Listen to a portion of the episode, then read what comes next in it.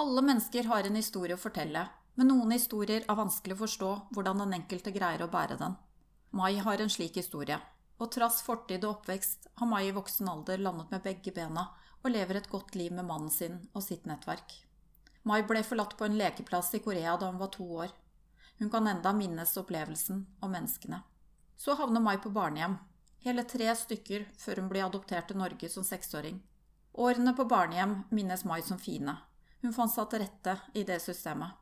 Oppveksten i Norge er preget av foreldre som ikke ønsket Mai velkommen inn i en familie, og kulminerer ut i at hun som 16-åring kommer hjem til låst dør og beskjed om å finne seg et annet sted å bo. 16-årige Mai tenker at i barnevernets system skal hun ikke. Tar et år på folkehøyskole og fullfører videregående og videre utdanning på egen hånd. Mai forteller at hun alltid har hatt en grunnleggende optimisme og pågangsmot. Hun evner å snu sin situasjon til handling, og synes målrettet om å skape seg det livet hun vil. Historien preger selvsagt områder av livet, men styrken Mai har vist og fremstråler i dag i sitt vesen, er stor. En vakker og vever kvinne som bærer historien sin med verdighet og stolthet, og uten oppslukende bitterhet. Her får dere høre Mai sin historie. Da vil jeg ønske velkommen til deg, Mai. Hyggelig at du ville komme, og vi får høre litt om din historie. Mhm. Du er jo født i Korea. Hvilket årstall eh, er det fra? 64. En av de første generasjonsadopterte Ja. fra Korea. Ja, ikke sant? Det er mange som har adoptert etter det. Kan ikke du fortelle litt eh, hva du husker, Mai, for du var jo hele seks år når du kom hit til Norge. Ja. Eh, Jeg bodde i tre barnehjem i Korea.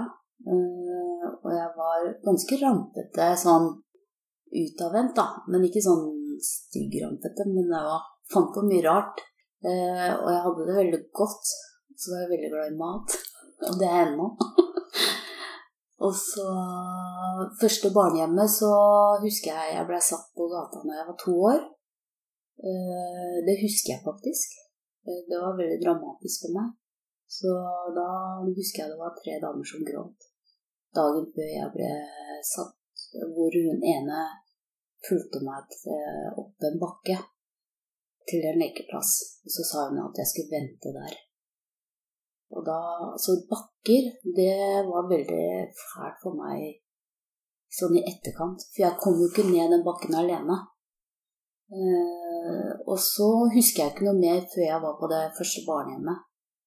Og da så sov vi i en stor sal hvor vi var delt opp i hvor store vi var, da.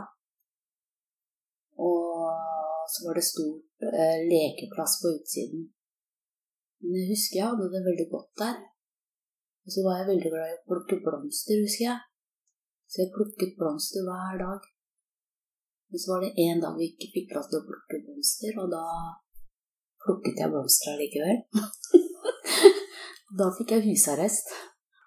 Men eh, jeg var jo sånn rampe, litt rampete, da, så når hun som jobbet der, gikk ut av rommet, da gikk jeg ut terrassdøra til lekeplassen eh, og lekte med de andre barna videre. Da. Og så eh, kom jeg på et mellombarnehjem, på en måte. Eh, hvor jeg da eh, ble plassert for hun som bestyrer på det første barnehjemmet. Hun giftet seg med en amerikansk soldat, så hun flyttet til eh, Amerika. Og vi var jo ni barn på det barnehjemmet, det første barnehjemmet. Så da kom vi til Holt. Så da var vi i en sånn gang, husker jeg. En sånn kjempelang gang. Så var vi delt inn i sånn rom med glass. Og da husker jeg jeg kjente igjen hun ene som vikarierte. Som jeg tror var en av de damene som gråt. Og så kom jeg da på Ildsand, og det holdt barnehjemmet der. Og der var jeg til jeg ble adoptert til Norge. Og der hadde jeg det også veldig godt. Jeg hadde det godt i alle de tre barnehjemmene. Så jeg husker bare positive ting derifra. Så husker jeg husker det siste barnehjemmet, og da husker jeg vi fikk vitaminer da, før vi la oss. Det var noen piller, da, men jeg har jo pratet med hun som jobber der. Hun fortalte hva vitaminer da. Og så sånne seng, sprinkelsenger og sånn. Og da fant hun ut at jeg var litt for stor, da, for jeg var jo fire år da jeg kom dit. Så da ble jeg flyttet opp til de store barna, da. Men der var det ikke sprinkelseng. Da lå vi på matte på gulvet. Og jeg har faktisk mange gode minner derifra. De barna du kom på første barnehjemmet sammen med, fulgte de deg videre helt til det siste også? Nei, det husker jeg ikke. Jeg husker liksom ikke de barna, men øh, jeg husker én som jeg setter igjen i Norge. Men hun husker jo ikke meg, men jeg husker jo henne. Hun var veldig snill mot meg, husker jeg. Det var på det siste barnehjemmet. Men øh, hun husker ikke at det, at det var meg, da. Så jeg husker jeg hang på når hun kom på besøk. For det var jo en som hadde blitt adoptert før meg igjen, da. Har du minner om uh, lukter og lyder og sånne ting? Nei, det er det er veldig rart. Fordi jeg er veldig glad i koreansk mat. Det er jo det beste jeg kan få. Men jeg husker liksom ikke lukten. Jeg husker mer sånne andre ting. At vi lærte å spise med beina, fordi det var ei jente der som ikke kunne bruke armene. Hun lærte oss å spise med bena. Da. Hvordan vi skulle holde en skje med tærne. Og, og han, han, som tok bilde av meg da, i forhold til adopsjonsbildet, han husker jeg òg. Og han kunne, hadde ikke Det var et ben han ikke kunne bruke. Og så husker jeg de soldatene som var på besøk, hvor vi sang sanger, da. Så, men jeg husker ikke lukt, og jeg husker liksom ikke noe lyd. Men jeg er veldig glad i koreansk kultur og musikk og, og sånne ting. Og jeg sang visst veldig mye koreanske sanger når jeg kom til Norge, da. Jeg var veldig glad i musikk. Når du blir eh, hele seks år, så oppfatter du en del ting. Visste du at du skulle bli adoptert? Ja, altså Jeg visste at jeg skulle få en familie. Det fikk jeg høre. Jeg skulle få en egen bror og et eget hjem. Eh, og det gleda jeg meg veldig til, da. Altså at jeg liksom skulle få min egen familie. Men jeg visste vel ikke helt hva det innebar, tror jeg. For det som viste seg, var at eh, den familien jeg skulle til, den kom jeg ikke til. For de måtte si fra seg meg i løpet av kort tid fordi mannen der ble syk. Og da hadde de fra Koreaforeninga, eller de, de som formidlet adopsjon, da, de hadde ringt rundt og lurt på om noen ville ha stor pike. Og da hadde de fått tre dager å bestemme seg på. Så de ringte da den familien jeg kom til.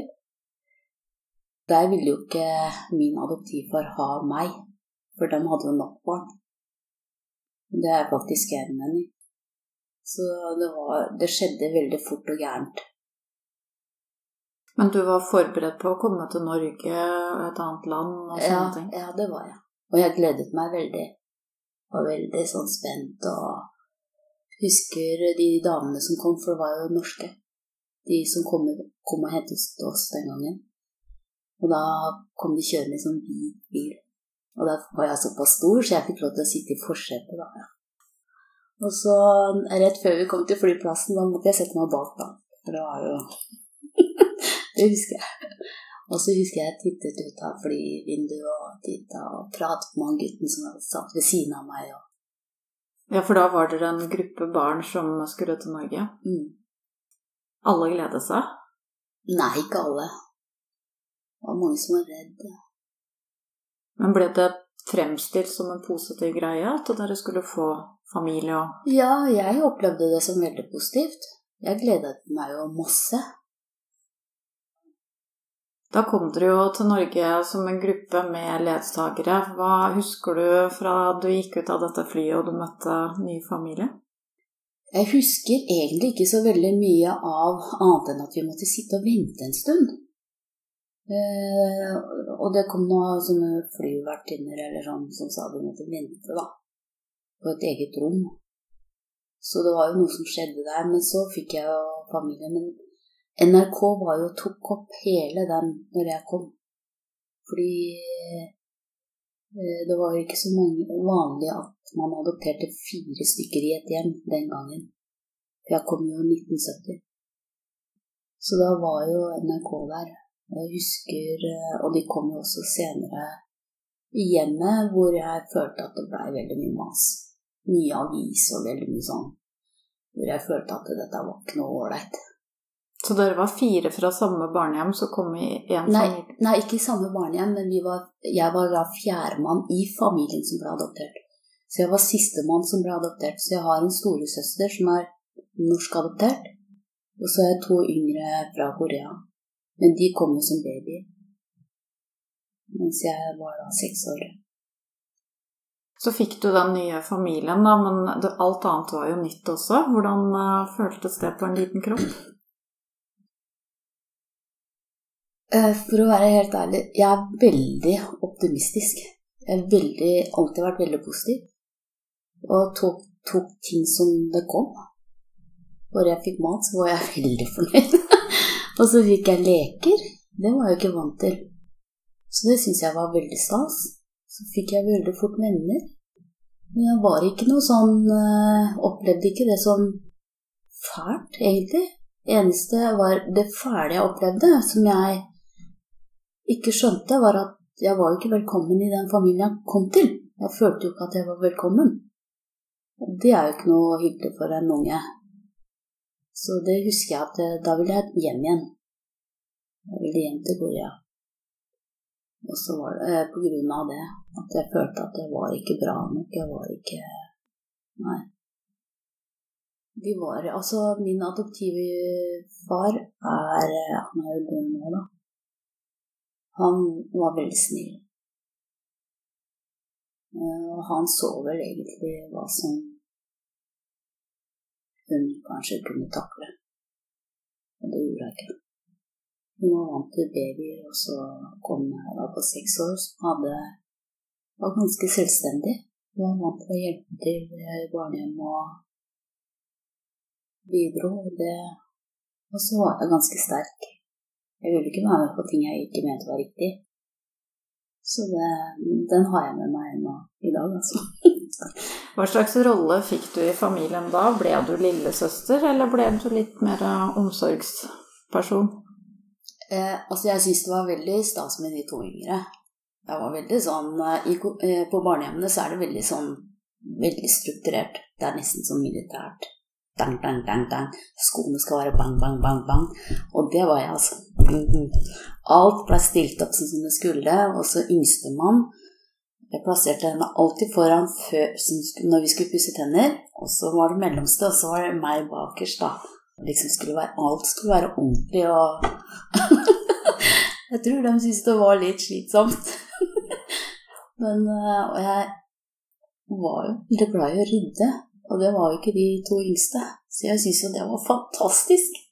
Så jeg hjalp jo til med det, og så passet jeg på dem at ikke de- noen skulle være slemme mot dem. Det husker jeg. Så de ble noen de, de ble noen du på en måte bygde en god relasjon til, da, de to yngste? Ja, altså Jeg fikk jo best kontakt med den yngste. Henne var jeg veldig glad i. Mens hun mellomste hun ble veldig flink i turning. Så hun var veldig mye eh, borte. Så fikk ikke, jeg fikk ikke noe særlig forhold til henne. Hun trente jo hele tiden og reiste på ja, konkurranser og Så det var liksom yngstemann og meg, da som holdt sammen. Husker du hvordan eh, du løste det her med språket? Nei, det gikk ganske greit av seg selv. Jeg bare pratet i vei, jeg. Og forsto dem ikke, så brukte jeg kroppen. Altså sånn hånda og Jeg har hatt veldig mye fantasi, så jeg har alltid liksom løst Men du kan si jeg hadde jo veldig mye av den eh, Jeg forsto jo ikke alt hvordan eh, man bygger opp en setning. Den norske Så jeg blei mye mobba av min adoptivmor fordi jeg ikke forsto For jeg sa så mye feil på begynnelsen. Så det endte jo veldig Altså sånn Det endte jo opp med at jeg begynte å være veldig stille.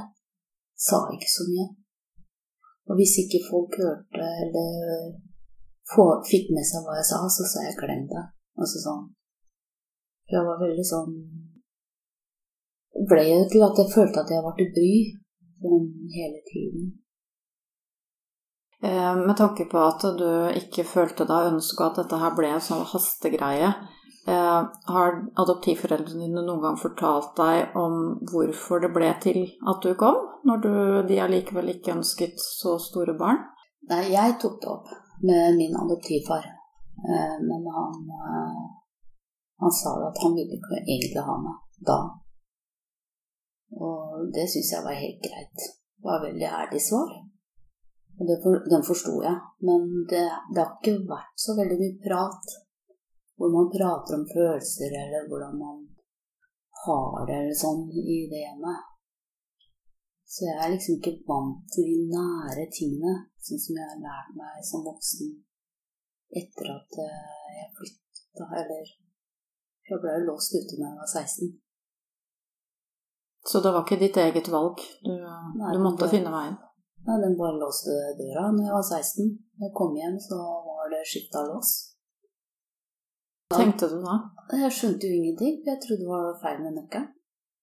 Så jeg, Den gangen var det ikke mobiltelefon. så var det bare å traske ned til Løkenåsen der og ringe da adoptivfaren min. da. Jeg kaller ham for adoptivfar, eller Tor. Den gangen så sa jeg jo pappa og mamma, men det gjør jeg ikke i dag. På den tida når du var blitt 16, da bodde ikke de sammen lenger? Nei, de bodde sammen. Vi har alltid bodd sammen til eh, han døde. Men jeg ringte da Tor fordi han var jo på jobben. Og så sa jeg 'Pappa, det er noe gærent med låsen min, for jeg kommer ikke inn'. Og da sa han at 'nei, vi har bytta lås, du skal ikke hos oss. Sånn fikk jeg greie på at jeg ikke skulle bo der. Og da spurte jeg hvor skulle jeg bo hen da? Ja, det visste han ikke. Hvor endte du opp da? Nei, da, da gikk jeg faktisk, dro jeg til Oslo, for jeg jobbet litt som frivillig på Blå Kors. Uh, og da hadde jeg jo møtt ei jente som var ett år eldre enn meg, som bodde på kollektiv. Og hun sa det var et rom jeg kunne låne der. Da bodde jeg der en kort stund, og så begynte jeg på folkehøyskole. Men når du som 16 år står der uh, uten å ha sikkert fått med deg noen ting også, Nei. Eh, plukka systemet opp deg? Nei, jeg ville ikke inn i noe barnevernssystem. Eh, en nabo eh, sa ifra til barnevernet. fikk jeg vite senere, da. Jeg har alltid vært veldig glad i bøker, altså lese bøker. Og jeg husker jeg leste en del om barnevern altså dokumentarbøker på barnevernssystemet. Jeg hadde det ikke bra sjøl. For jeg tenkte at det skal i hvert fall jeg jobbe med, sånn at andre barn skal ha det godt. Og da tenkte jeg jeg skal i hvert fall ikke inn i det systemet der som barn. For da kommer du aldri ut igjen. Det var det jeg tenkte, da. Og så har jeg jo alltid vært sterk, så jeg har jo klart meg. Så det var overlevelsesinstinktet som slo til med en gang du sto der på bar bakke? Ja, jeg følte at jeg har eh, hatt en overlevingsinstinktet fra jeg kom inn i det hjemmet som barn. Men du fikk ikke noe forvarsel? Du, det var ikke sånn at Nei. du hadde i bakhodet at uh, kanskje dette her ville skje en dag? Nei. Så alle mine venner er jo sjokkert. Hva med dine søsken, da? Nei, de fikk jo bare beskjed om at jeg ikke ville ha kontakt med dem. Det var det hun sa til dem. Og jeg tenker sånn, hadde hun sagt det til meg, så hadde jeg oppsøkt dem og spurt hva har jeg gjort mot deg, siden ikke du burde ha kontakt med meg. Men det var det ingen av de som gjorde. Så det forteller jo ganske mye hvor uh, sterk hun er, egentlig. Hva hun får til, altså. Så dro du på folkehøyskole ja. Eh, og var der et år. Hva gjorde du etter det? Da begynte jeg på videregående på husdel allmennfag på Lørenskog. For å lære å lage mat. Fordi det har jeg alltid vært dårlig til, og det er jeg faktisk dårlig til nå. jeg er veldig glad i mat, men uh, å lage mat, det Nei, det duger jeg ikke til. men da, da, kom du tilbake til Lørenskog og, og hjemstedet hvor du hadde vokst opp. Mm. Um, møtte du på dem noen gang? Ja, altså jeg møtte det så faktisk min adoptivmor, og hun så meg, men da snudde hun. Og da tenkte jeg Samvittigheten din, den kan ikke være god, tenkte jeg bare. Men så tenkte jeg det er ikke meg det er noe problem med. Greide hun å ha et naturlig forhold til de andre søsknene dine? Ja, det hadde hun. Altså for meg Jeg tror det derre At det var lettere for henne å få baby, og at hun kunne forme dem. Det er det jeg tror. Men eh, jeg har jo fått kontakt med noen av søsknene mine i dag. De har jo ikke bare hatt det godt. Altså ikke de to eldste. Eh, min, broren min, som er biologisk sønn, og eldstesøstera mi, de har det ikke hatt de heller. Hva, hva sa de til deg når du tok kontakt?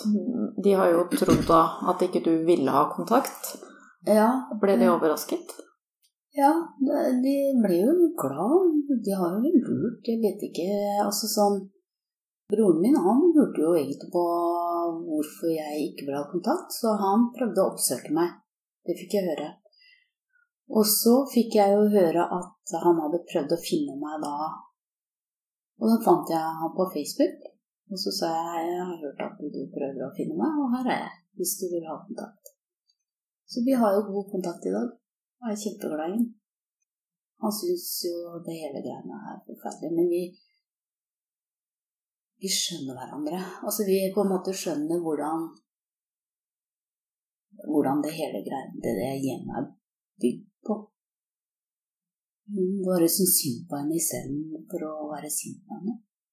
Ja, for du har greid å legge bort bitterheten og heller Jeg har aldri vært bitter, tror jeg. Jeg har bare vært Syns det har vært vondt, men ikke bitter. Men jeg har syntes mer synd på henne. Jeg trodde ikke hun skjønne hva hun holdt på med. Fordi jeg tenker, Hadde ikke jeg vært så sterk, så kunne jeg gått nedom og hjem. Det er det jeg tenker. da. Det har jeg ikke gjort.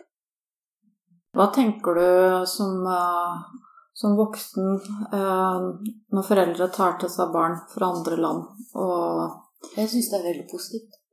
Altså, jeg, har ikke noe, jeg er ikke noe sånn bitter av meg eller sånn, da. Så jeg, jeg har jo sett en del hjem som har adoptert, og jeg syns det er kjempefint. Altså, de fleste hjem fungerer jo veldig bra, men det som er, er at det fins jo Adoptivhjem er ikke annerledes enn annet hjem. Det er mennesker eh, innafor de veggene òg. Og, og så går det jo stort sett bra. Så og noen går det dessverre ikke bra med, men stort sett så blir det folk av alle. Jeg leste jo litt om deg på forhånd, Mai, og eh, du nevnte det i forhold til egne barn, så har du i hvert fall kanskje merka deg litt i forhold til akkurat det? Ja. Det vil jeg da. Det bestemte jeg meg ganske fort.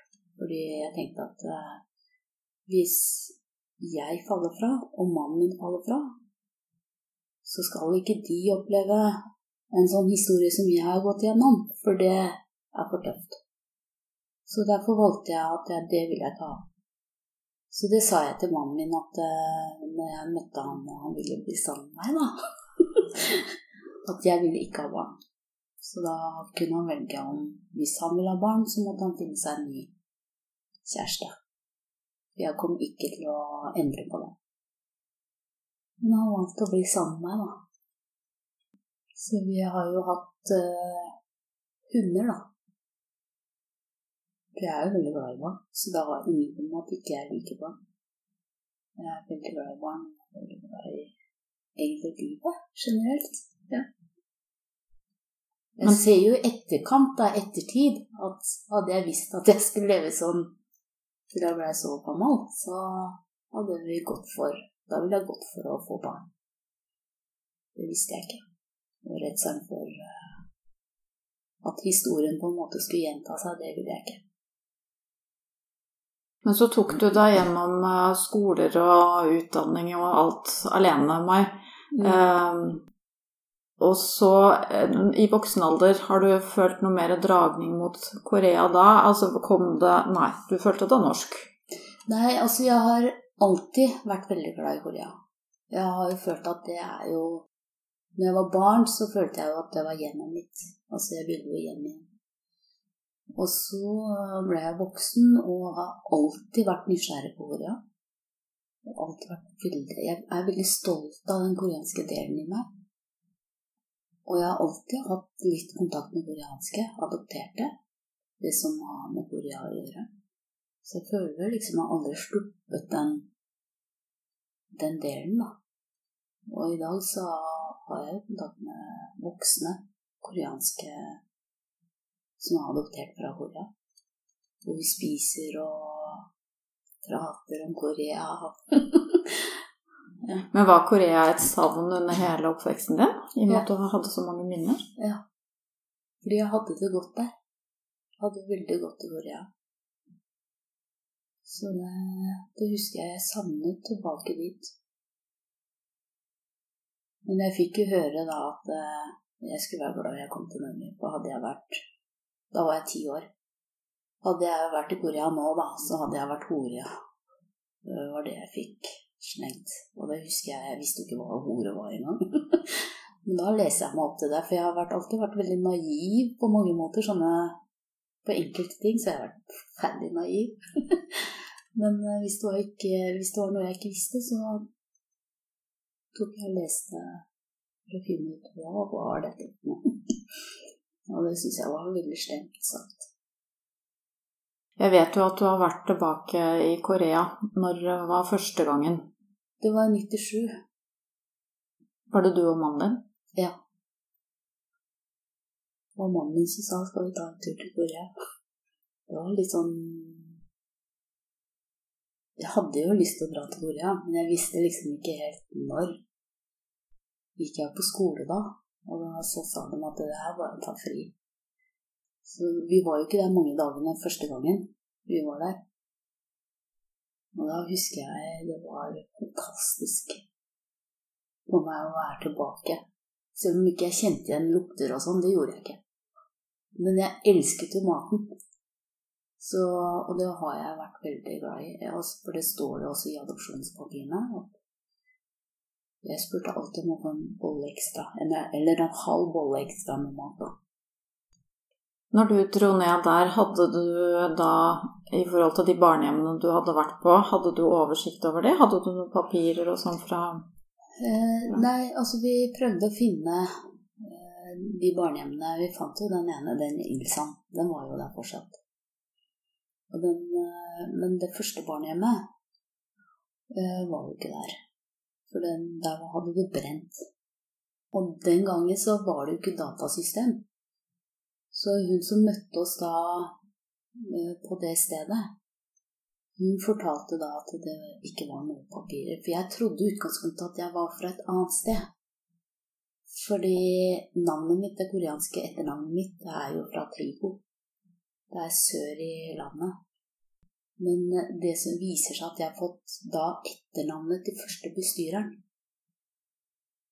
Så det husker jeg at eh, når jeg dro, da, så var jeg sånn leste at jeg, ah, der det at der kommer de peneste jentene fra. Det ble kalt Eplebyen, da. Og jeg bare Å, jeg er de peneste. og så kom jeg tilbake. Så, jeg var ikke så pen allikevel. Jeg kom ikke derifra. så det er liksom eh, Men jeg kom fra Teishan. Det er en stor by, det òg. Så da, da, var jeg på området der de trodde barnehjemmet hadde vært. da. Men jeg kjente meg ikke igjen. Det var jo bygninger, helt nye bygninger og, og sånne ting. Og jeg var jo jeg, jeg var jo fire år da jeg flytta derifra. Men når du dro hjem igjen da, så hadde du i hvert fall funnet ut at du kom fra et annet sted, og, og hvor navnet ditt og sånn. For det, det var, overrasket deg litt at du hadde fått uh, et navn du trodde kom fra et annet sted? Ja, jeg trodde jo det var mitt familienavn. Det var derfor jeg tok det tilbake uh, før, jeg, før, jeg, giftet meg. Så fant jeg ut at uh, nei, jeg tar tilbake det koreanske etternavnet mitt. Og så viste det seg at det var ikke familienavnet mitt i det hele tatt. Men jeg har beholdt det, da. Fant du noe mer ut av biologisk opphav og sånn når du var der? Nei, Jeg har prøvd å finne det ettertid. Jeg var jo med på et TV-program i Korea i 2008. Men eh, det var ingen resultat. Jeg hadde en følelse at ikke det kom til å gjøre det heller. Men så fikk jeg en telefon fra Verdensbarn, de som formidler fra Korea. Og da fikk jeg en telefon om at eh, det var en mor som prøvde å finne meg. Storesøsteren da prøvde å finne meg. Så vi, eh, vi prøvde å finne ut av det, men eh, det ville ikke si så mye. For det ville se om DNA matchet. For i dag så betaler jo den koreanske staten DNA-testene. Hvis det er eventuelt familie som prøver å finne barna sine, da. Og da viste det seg at det ikke var match på DNA. Så da tenkte jeg å, Men jeg hadde en følelse av at ikke det var Men jeg håpet jo. Du husket jo den kvinnen som forlot deg eh, på den lekeplassen. Trodde du det var mammaen din? Nei, det tror jeg ikke. Altså, eh, fordi i etterkant For jeg var jo bare to år. Så jeg tenker kanskje at hun var bare rundt tolv år. Og for en toåring så er jo en tolvåring ganske voksne. Men det var en gammel dame der òg. For meg var hun gammel. Det kan ha vært min mor. Så det kan ha vært søstre eller de to yngste. Også. Men for meg så var det to yngre damer, og så var det en eldre dame. Det var det jeg husker. Så jeg husker jo Men hun ene, som var eldst av de to, mener jeg så igjen på barnehjemmet først på kontoret, eller det kontordelen, den derre mellomstasjoneringa som jeg var på, og så det siste barnehjemmet. Og da husker jeg hun jobbet på det huset ved siden av, så fikk jeg en halv tyggegummi. Og det fikk jeg ikke lov til å si, da. Og jeg er veldig sånn at uh, Jeg er veldig ærlig. så jeg er veldig sånn Jeg har slapp sånn av tyggegummien. Og hvor har du fått den? Den har jeg fått av den damen der. Og jeg bare Ops, det skulle jeg ikke si. Så jeg måtte jo huske sånne detaljer. Da, fra, og når jeg skulle bade, husker jeg, for jeg ventet på badevann, da, fordi det var Jeg badet da etter tredje barnet, eller den yngste badet først, og så var det nest yngste, og så var jeg som badet til sist, da, siden jeg var eldst av de som skulle bytte på det, eller dele på det vannet. Jeg husker den, liksom. Men husker du per i dag ansiktet til den damen? Altså, Hvis jeg hadde sett henne i dag, så hadde jeg nok ikke kjent deg igjen, tror jeg. Men jeg husker jeg syntes hun var pen. Og så var hun så snill. Det, det, var det, jeg, det er på en måte det jeg husker. Og det kan være at eh, hun var så snill at hun ble pen. For meg så er det ofte sånn at eh, mennesker jeg syns er snille, blir så vakre for meg. Hva med språket, Mai? Har du greid å beholde noe av det? Nei. Så når jeg er i Korea, så høres som katten hjemme. Altså. jeg skjønner ingenting. Men når jeg sier koreansk, altså sånne ord, så sier de at det høres koreansk ut. Det sier de, men jeg kan ikke koreansk. Men klangen ligger der, sikkert? Ja, den gjør visst tydeligvis det. Ikke spør meg hvordan det er, for det har jeg ikke greie på. Men jeg husker vi skulle um, et sted, da. Og så spurte vi en som satt ved veien, da, angående bussen, hvor bussen gikk til Kyungsju. Og så sier jeg til mannen du kan spørre det før jeg er litt sånn sjenert overfor fremmede.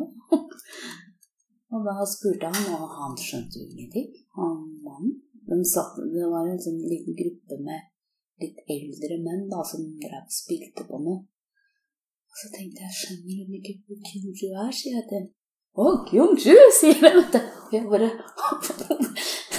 ja, Skjønner du når jeg sier det, men ikke du? For, altså for meg hørtes ikke annerledes ut når mannen sier det, enn når jeg sa det. Så jeg bare Hva skjedde nå? Det var litt gøy. Så da viste de oss eh, fulgte han oss til bussen, da. Etter at du var der eh, første gang, har du vært tilbake flere ganger? Ja, jeg har vært der fire ganger. Så nå har vi en hund, men når hun går bort, Da skal vi til Korea igjen. Spise masse god mat. Men fikk du litt den der følelsen av å komme hjem? Hjem er på en måte her i Norge. Men andre hjemmet Jeg kan godt kalle det andre hjemmet. Men eh, jeg er veldig glad i Korea. Du sier du har jo alltid hatt kontakt med andre fra Korea og andre, andre land i Asia. Er du medlem av noen forening? Nei, ikke nå. Jeg har sittet som uh, i styre og stell i forhold til Korea-adopterte. Uh, men det er jeg ikke nå. Og så gikk jeg ut av det en god stund, også i, når jeg var i 30-årene. Da tenkte jeg nei, nå er jeg for gammel. Nå kan de yngre ta over. Og så har vi da funnet tilbake noen av oss voksne, godt voksne, fra 50-tallet oppover, da. Som vi møtes sånn av og til. Eh, eh, snakker om Korea, spiser koreansk mat. Det ble veldig hyggelig. Men det som også gjorde til at jeg holdt på det koreanske, det tror jeg at jeg fikk kontakt med ei som hadde jobbet i Korea som sykepleier. Eh, hun var etnisk norsk, men hun var veldig glad i Korea. Og vi fant jo hverandre. Så da spurte jeg henne masse. Hun lærte meg veldig mye om Korea, kunst. Hun var veldig glad i de tingene. Samme som det jeg var, så da vi fant hverandre på en måte, da. Selv når hun var voksen, så var jeg veldig, veldig glad i henne. Er det en du traff som eh, barn, ungdom, eller som voksen? Nei, jeg traff henne som barn, rett etter at jeg kom til eh, Norge. Uh, hun var jo født i 22. Uh, så fikk jo jeg kontakt med henne fordi hun var veldig interessert i Korea, og hadde da jobbet familien tidligere i forhold til yngstemann da, som kom til dem. Mm, for hun hadde jo en del kontakter. Og så møtte jeg henne på jeg tror det var sånn Korea juletrefest, ja. Og siden så holdt vi kontakt rundt det. Ble hun litt uh, holdepunkt? Ja, det ble hun. Fordi når uh, jeg ikke fikk være en del av den andre familien, så ble hun på en måte min familie. Hun bidro til at jeg holdt tak i. Ja. Hvordan har historien din preget deg, Mai, sånn i voksen alder i forhold til det der med å, å vokse opp litt ensomt, da? Det blir jo det når ikke man har familie, føler man har familie her og ikke vet ja. noe om Korea, liksom. Ja, altså Det er jo noe jeg har kjent på, egentlig. Sånn der, det å være på en måte føle at jeg har vært ensom. Jeg har jo en mann, verdens fineste mann. Eh, og han har jo da en familie som aldri har akseptert meg. Det kommer fram veldig tydelig her. Så vi har ikke kontakt med den sida heller, og det syns jeg er veldig trist. Fordi jeg niholdt på den fordi jeg visste jo hvor vondt det var å ikke ha sin egen. Selv om jeg merket at de ikke ville ha så veldig mye med meg å gjøre, siden jeg var etnisk koreansk. Eh, og da tenkte jeg han skal i hvert fall ikke miste familien sin. Men han, når vi giftet oss, så brøt jo han kontakt med de et år. Og da sa jeg til han at eh, jeg syns du skal ta kontakt med de igjen. Så jeg har liksom følt ensomhet oppi det der å ikke være akseptert, ikke få lov til å være en del av en stor, større familie, da. Det har jeg savnet. Men så har jeg hatt veldig mange gode venner som jeg har på en måte i hemmelighet eh, tatt til meg som en familie, da. så jeg har vært veldig heldig sånn sett at jeg har mange venner da, som jeg er glad i. Du sa jo du hadde tatt opp kontakten med noen av de søsknene du vokste opp sammen med. Ja. Føler du noe familiebånd der? Jeg vet på en måte at de er det, men jeg vet ikke egentlig helt hvordan det er å ha en onkel søsken. Sånn, sånn i forhold til følelsene. Men Jeg er veldig glad i broren min. Vi har jo ikke så mye kontakt. Vi ser hverandre og av og til sånn Det er ikke sånn at vi ringer hverandre eller sånn, men det kan være veldig mye min feil, altså, fordi ikke noe glad i å ringe på telefonen. Og så er jeg veldig sånn Kanskje hjertebry. Den sitter litt sånn der nå. Det merker jeg. Så jeg er ikke noe sånn at jeg maser meg på Men jeg er glad i den. Og eldste søstera mi er også glad i henne. Jeg er så veldig glad i. Hun yngstemann. Men jeg, jeg, føler liksom en distanse. Den, den føler jeg liksom fortsatt. Det er en distanse som jeg ikke kommer gjennom. Og da er jeg veldig sånn at eh, ok, den får jeg bare respektere.